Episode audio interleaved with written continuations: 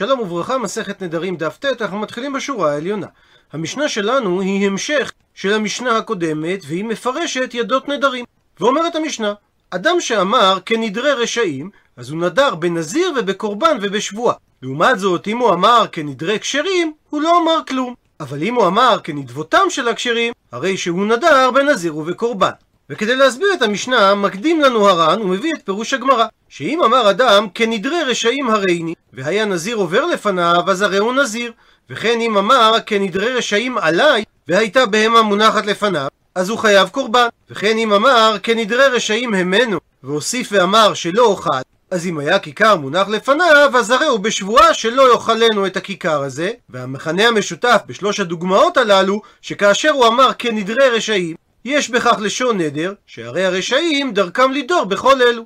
ולא שבהכרח מדובר על רשעים, אלא מפני שאין ראוי לעשות כן, קוראים להם נדרי רשעים, שהרי רשעים הם לאותו דבר. לעומת זאת, אם הוא אמר כנדרי כשרים הריני, או עליי או המנו, ובהתאמה היה נזיר או בהמה או כיכר לפניו, אז לא אמר כלום, כי הלשון נדרי כשרים אינה נחשבת כלשון נדר, שהרי אין הכשרים נודרים, שאין רשאים לעשות כן. ועל אותו משקל הוא הדין אם הוא אמר כנדבת רשעים עליי, לא אמר כלום, כי אין רשעים נודבים, שאם הם נודבים אינם רשעים לאותו דבר. אבל אם הוא אמר כנדבותם של הכשרים, אז הוא נדר בנזיר ובקורבן, שהרי הכשרים מתנדבים הם בקורבן ובנזירות. ולכן, אם הוא אמר כנדבות כשרים הריני והיה נזיר עובר לפניו, אז הרי הוא נזיר. ועל אותו משקל, אם הוא אמר כנדבי כשרים עליי ובהמה מונחת לפניו, אז זה נחשב שהוא אומר שהרי הבהמה הזאת היא קורבן נדבה. אבל לא הזכירה המשנה בלשון של נדבות כשרים עניין של שבועה, ואפילו אם היה כיכר מונח לפניו ואמר כנדבות כשרים הימנו שלא אוכל. והסיבה, לפי שאין הכשרים נשבעים לעולם. ואין זה סותר את מה שאמרנו בדף ח' שהכשרים נשבעים כדי לזרז את עצמם לדבר מצווה, כי שבועה כזאת לא נקראת נדבה, שהרי הם מחויבים כבר לקיים את המצווה. ושואל הר"ן שהרי יש הבדל בין נדר ונדבה. נדבה אינה אלא באומר הרי זו, דהיינו בהדפסת חפץ, ונדר לעומת זאת, כאשר אדם אומר בהרי עליי, דהיינו שהוא מקבל על עצמו משהו. והחילוק הזה אינו קיים אלא בנדרים דקורבנות, לעומת קורבנות נדבה. אבל בנזירות, שאדם מקבל על עצמו להיות נזיר, מה שייך נדר ומה שייך נדבה. ואם כך, לעניין נזיר, מה ההבדל בין כנדרי כשרים לבין כנדבותם של כשרים? הוא מסביר הר"ן שנדר פירושו דבר שאינו בא לגמרי בנדבת הלב, ונדבה לעומת זאת פירושו מה שהאדם נודר יותר בנדבת נפשו, ושמעשיו יותר רצויים. וראיה לדבר, שבלשון נדר אומר האדם הרי עליי, לפי שאינו מתנדב לגמרי כיוון שלא הפרישו עכשיו, לעומת לשון נדבה שאומר האדם הרי זו, שהוא מתנדב לגמרי והוא מפריש עכשיו, ולפי שהוא מתנדב נדרו יותר רצוי. וכיוון שזהו פירושם של נדר ונדבה, אז אף לגבי נזיר, אף על פי שאין הנדר של נזירות, אלא בעניין אחד, שהאדם מקבל על עצמו את הנזירות, בכל זאת, מי שהכוונה שלו רצויה יותר, קרוי נזירותו נדבה, ומי שהכוונה שלו אינה רצויה כל כך, קרוי נדר. והרשעים כשנודרים בנזיר אין כוונתם רצויה לגמרי, אבל הכשרים, מתוך שכוונתם שלמה ורצויה, ואין בנזירותם שום נדנוד עבירה, לכן קרויה נזירותם נדבה. והוכחה לחילוק הזה ממה שהגמרא תאמר בהמשך נדבה דנזירות, מצאנו כשמעון הצדיק. ושואלת הגמרא, מדוע אמרה המשנה שמי שאומר את המילים כנדרי רשעים, חלים עליו נדרי נזיר או קורבן או שבועה? ודילמה ואולי אחי קאמה, אולי כאשר הוא אמר את המילים כנדרי רשעים, כך הוא התכוון לומר, כנדרי רשעים לא נדרנה. כך שאין במשמעות הלשון כנדרי רשעים לשון של נדר. עונה על כך אמר שמואל שבהכרח צריך לומר באומר כנדרי רשעים הריני או עליי או והמנו. כלומר שאם הוא אומר כנדרי רשעים הריני אז הוא נדר בנזירות, ואם הוא אומר כנדרי רשעים עליי, אז הוא נדר בקורבן, ואם הוא אומר כנדרי רשעים ממנו, אז הוא נדר בשבועה. מקשה הגמרא על דברי שמואל, מדוע אתה אומר שאם אמר אדם כנדרי רשעים הריני, אז זה כאילו הוא נדר בנזירות? דילמה, אולי, ניתן להסביר שהוא אמר כנדרי רשעים הריני, בתענית כאמר, ואולי הוא התכוון לנדור ולקבל על עצמו תענית. ושוב עונה על כך, אמר שמואל, מדובר כשהיה נזיר עובר לפניו. ועל אותו משקל, כפי שראינו בפירוש הר"ן על המשנה, שכאשר אמר כנדרי רשעים עליי, והייתה בהמה מונחת לפניו, שאז הוא חייב קורבן, וכן אם אמר כנדרי רשעים המנו, והיה כיכר מונח לפניו, אז הרי הוא בשבועה שלא יאכלנו. ממשיכה הגמרא ומקשה על תשובתו של שמואל, מדוע כאשר אמר כנדרי רשעים ממנו והייתה כיכר לפניו הוא מתחייב בשבועה שאסור יהיה לו לאכול מהכיכר דילמה אולי הימנו דאכילנא כאמר אולי הוא התכוון לומר בדיוק להפך שהוא נודר לאכול מהכיכר עונה על כך אמר רבא דאמר האדם כנדרי רשעים המנו שלא אוכל אבל מקשה הגמרא אי הכי אז אם כך מאי למימרא מה החידוש בדבר? מבארת הגמרא, מה עוד תימא? מה היית חושב לומר? שאולי הוא לא יתחייב בשבועה, שהרי הלא מפיק שבועה מפומי, שהרי הוא לא הוציא את המילה שבועה מהפה שלו. כמה שמלן עדן. באה המשנה להשמיע לנו, שמשמעות המשפט כנדרי רשעים המנו שלא אוכל, זה נוסח חלקי של שבועה, ודין של יד שבועה כשבועה. ונסכם את מהלך הסוגיה. המשנה אמרה כנדרי רשעים, נדר בנזיר ובקורבן ובשבועה. ובעקבות קושיית הגמרא, אולי הוא התכוון שכנדרי רשעים אני לא נודר. אמר שמואל שמדובר שהוא הוסיף את המילה הרייני שאז נדר בנזיר, או הוסיף את המילה עליי שאז נדר בקורבן, או הוסיף את המילה המנו שאז נדר בשבועה. והקשתה הגמרא, מהיכן ההוכחה שכאשר הוא אמר הרייני הוא התכוון לנדור בנזיר? ולכן הוסיף שמואל ואמר שמדובר שהיה נזיר עובר לפניו, או שהייתה בהמה מונחת לפניו, או שהייתה כיכר מונחת לפניו. כך שיש לנו ראייה נסיבתית על כוונתו. ושוב הקשתה הגמרא, שגם כאשר כיכר היה מונח לפניו, ניתן לפרש שהוא אמר כנדרי רשעים ממנו, שהוא מתחייב לאכול את הכיכר. ועל כך ענה רבא, שבהתייחס לכיכר שמונח לפניו, אומר האדם כנדרי רשעים ממנו שלא אוכל. ציטוט מהמשנה, כנדרי כשרים לא אמר כלום, לעומת זאת אם הוא אמר כנדבותם, אז הוא נדר בנזיר ובקורבן. ושואלת על כך הגמרא, מן תנא, מיהו התנא של המשנה, דשני ליה, שעושה הבחנה בין נדר לנדבה. שהרי אמר התנא שכשרים מתנדבים ואינם נודרים. לימה, האם נאמר שהמשנה שלנו היא לא כשיטת רבי מאיר ולא כשיטת רבי יהודה? דתניא, שכך שנינו בברייתא, על הפסוקים הבאים בקהלת. כאשר תדור נדר לאלוהים, אל תאחר לשלמו, כי אין חפץ בכסילים. את אשר תדור, שלם. טוב אשר לא תדור, מי שתדור ולא תשלם. ובפסוק ג' כתוב, את אשר תדור שלם. ואחר כך בפסוק ד' כתוב, טוב אשר לא תדור, כלומר, שיש הדרגתיות בפסוקים, ומציאות שאדם לא נודר היא מציאות יותר טובה מאשר אדם שנודר ומשלם. והמשך הפסוק הוא נתינת טעם לדבר, שעדיף לא לדור משתדור ולא תשלם, כלומר, שמא תשכח ולא תשלם. ולפיכך, המצב שטוב מזה ומזה, דהיינו מנודר ולא משלם, אבל גם מנודר ומשלם, שאינו נודר כל עיקר. זה דברי רבי מאיר. ונחזור על אופן הלימוד מהפסוקים לשיטת רבי מאיר.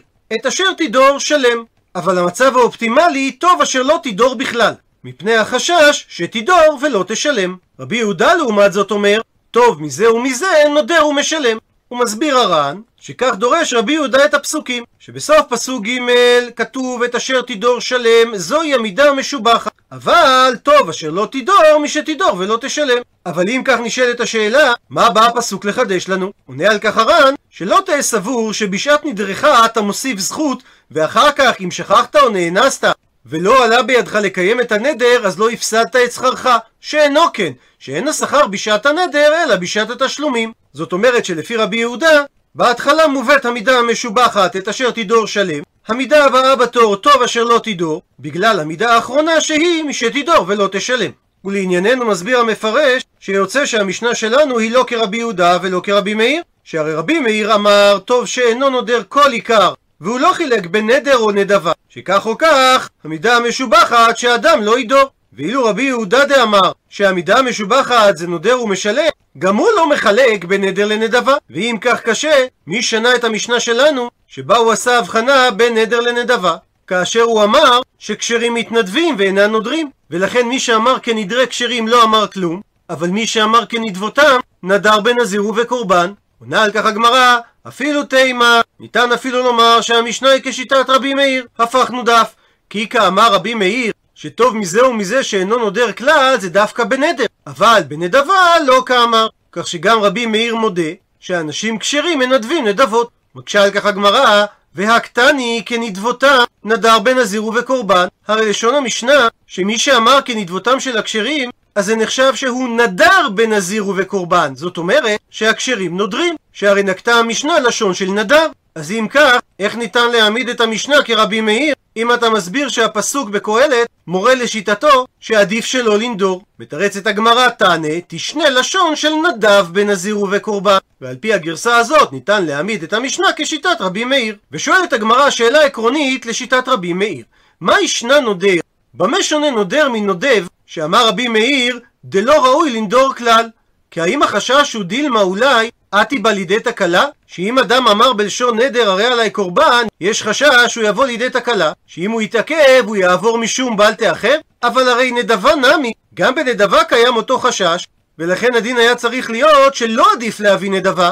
דילמה כי אולי אתי בא לידי תקלה, שאומנם הוא אומר הרי זו, ולא הרי עליי כמו בנדר, אבל עדיין קיים החשש שאולי הוא יפשע ויאחר להביא את הבהמה יותר מפרק זמן של שלוש רגלים. מתרצת הגמרא שכשרים היו נודבים כי הלל הזקן דתניא, שכך שנינו בברייתא במסכת פסחים. אמרו על הלל הזקן שלא מעל אדם בעולתו כל ימיו. ואיך זה ייתכן? כי הלל היה מביאה את הבהמה כשהיא חולין לעזרה, וכמובן מסביר הר"ן שאין הכוונה שהוא הכניס אותה לעזרה ממש, שהרי אסור להביא חולין לעזרה, אלא הכוונה שהוא הביא אותה בפתח העזרה. ומקדישה שם, וסומך עליה ושוחטה. וכך נודבים הכשרים נדר בקורבן. מקשה על כך הגמרא, הניחא נדבה דקורבנות. התירוץ הזה מסביר לנו היטב כיצד כשרים היו מנדבים קורבנות ללא חשש תקלה. אבל נדבה דנזירות, מהי איכא למימר? כלומר, אך כשרים מתנדבים נזירות, והרי כאשר אדם מקבל על עצמו נזירות, אז יש לחשוב שאולי הוא יבוא לידי תקלה. ולכן מסתבר לומר שכשרים היו נמנעים מלהתנדב נזירות. ומדוע אמרה המשנה שמי שאמר כנדבות הכשרים והיה נזיר עובר לפניו, שהוא כן נדר בנזיר. עונה הגמרא, על פי גרסת הר"ן, כשמעון הצדיק, שמי שנדר נזירות, כמו שתספר הגמרא בברייתא הבאה, אז כוונתו רצויה, ואין לחשוש שהוא יבוא לידי תקלה. דתניא, שכך שנינו בתוספתא במסכת נזיר, אמר שמעון הצדיק, כאשר השם שמעון הצדיק הוא כינוי שנקשר לשתי דמויות, סב ונכדו, שהיו כהנים גדולים מבית חוניו בתקופת בית שני בירושלים, במאה השלישית לפני הספירה, והם שמעון הראשון בן חוניו הראשון, ושמעון השני בן חוניו השני. דמותו של שמעון הצדיק מופיעה במקורות חז"ל ובמקורות החיצוניים הקלאסיים, כתבי יוסף בן מתתיהו והספרים החיצוניים. במקורות הללו מזוהה שמעון הצדיק כשמעון בן חוניו בן ידוע, ונאמר עליו שהיה כהן גדול ומנהיג בתקופת בית שני, משירי הכנסת הגדולה, הראשון לחכמים שנזכרו בשמם במשנה, ולפי הרמב"ם בהקדמתו לספרו היד החזקה, הוא היה תלמידו של עזרא הסופר, ורבו של אנטוגנוס איסוכו, בפתחה של תקופת הזוגות.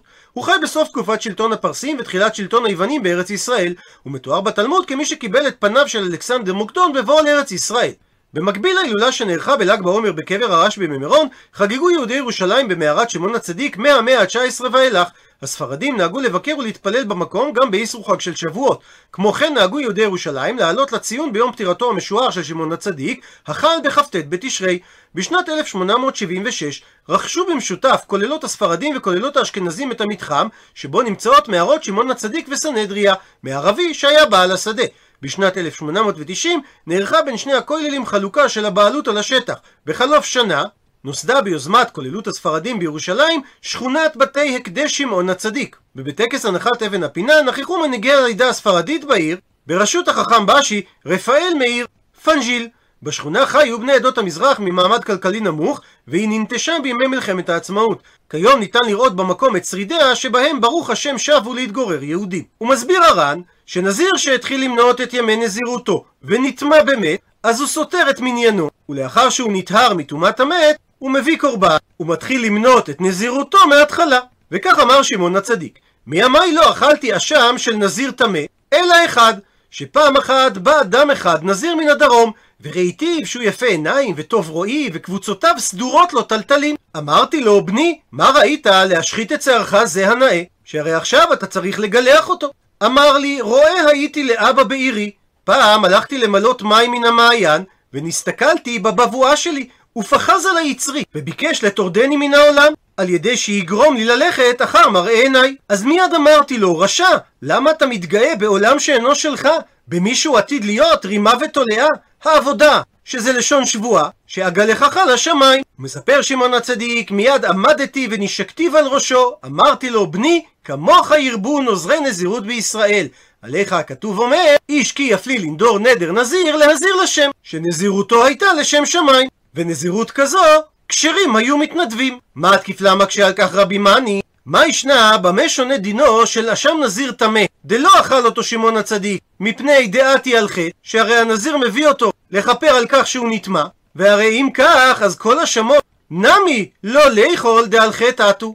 אז גם שאר קורבנות אשם, שבאים לכפר על החטא, לא יאכל אותם שמעון הצדיק. עונה לו על כך, אמר לו רבי יונה, היינו טעמה, הטעם ששמעון הצדיק לא אכל דווקא אשם של נזיר שנטמע, כי מתי אנשים מקבלים על עצמם נזירות? כשהם תוהי נוזרין. מסביר הר"ן, כשהם מתחרטים על מעשיהם הרעים, אז הם מקבלים על עצמם נזירות. אבל הם לא מתכוונים אלא לנזירות של 30 יום, וכשהם מתאמין אחר כך ורבים עליהם ימי הנזירות, אז הם מתחרטים בהם על כך שהם בכלל קיבלו על עצמם נזירות, ונמצאו מביאים חולים לעזרה. ואומר הר"ן, שוודאי לא מדובר על חולים ממש, שהרי כל זמן שלא התיר להם חכם את נזירותן, אז נזירותן קיימת, וקורבנות שהם מביאים הם קורבנות חובה.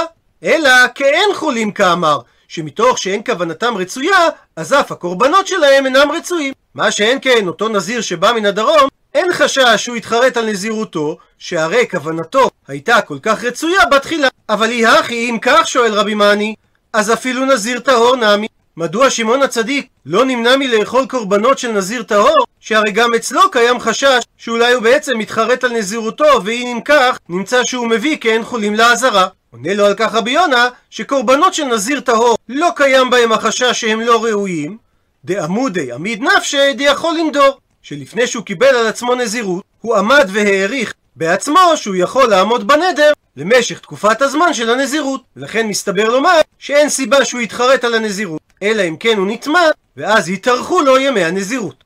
עד לכאן דף ט', למעוניינים בהרחבה, נביא את פירושו של החתם סופר על התוספתא של הנזיר מהדרום. הרב משה סופר נודע בכינוי החתם סופר על שם ספריו, היה ראש ישיבה ומגדולי הרבנים והפוסקים בדורות האחרונים. הוא תרם תרומה מכרעת לעיצוב ההשקפה היהודית האורתודוקסית.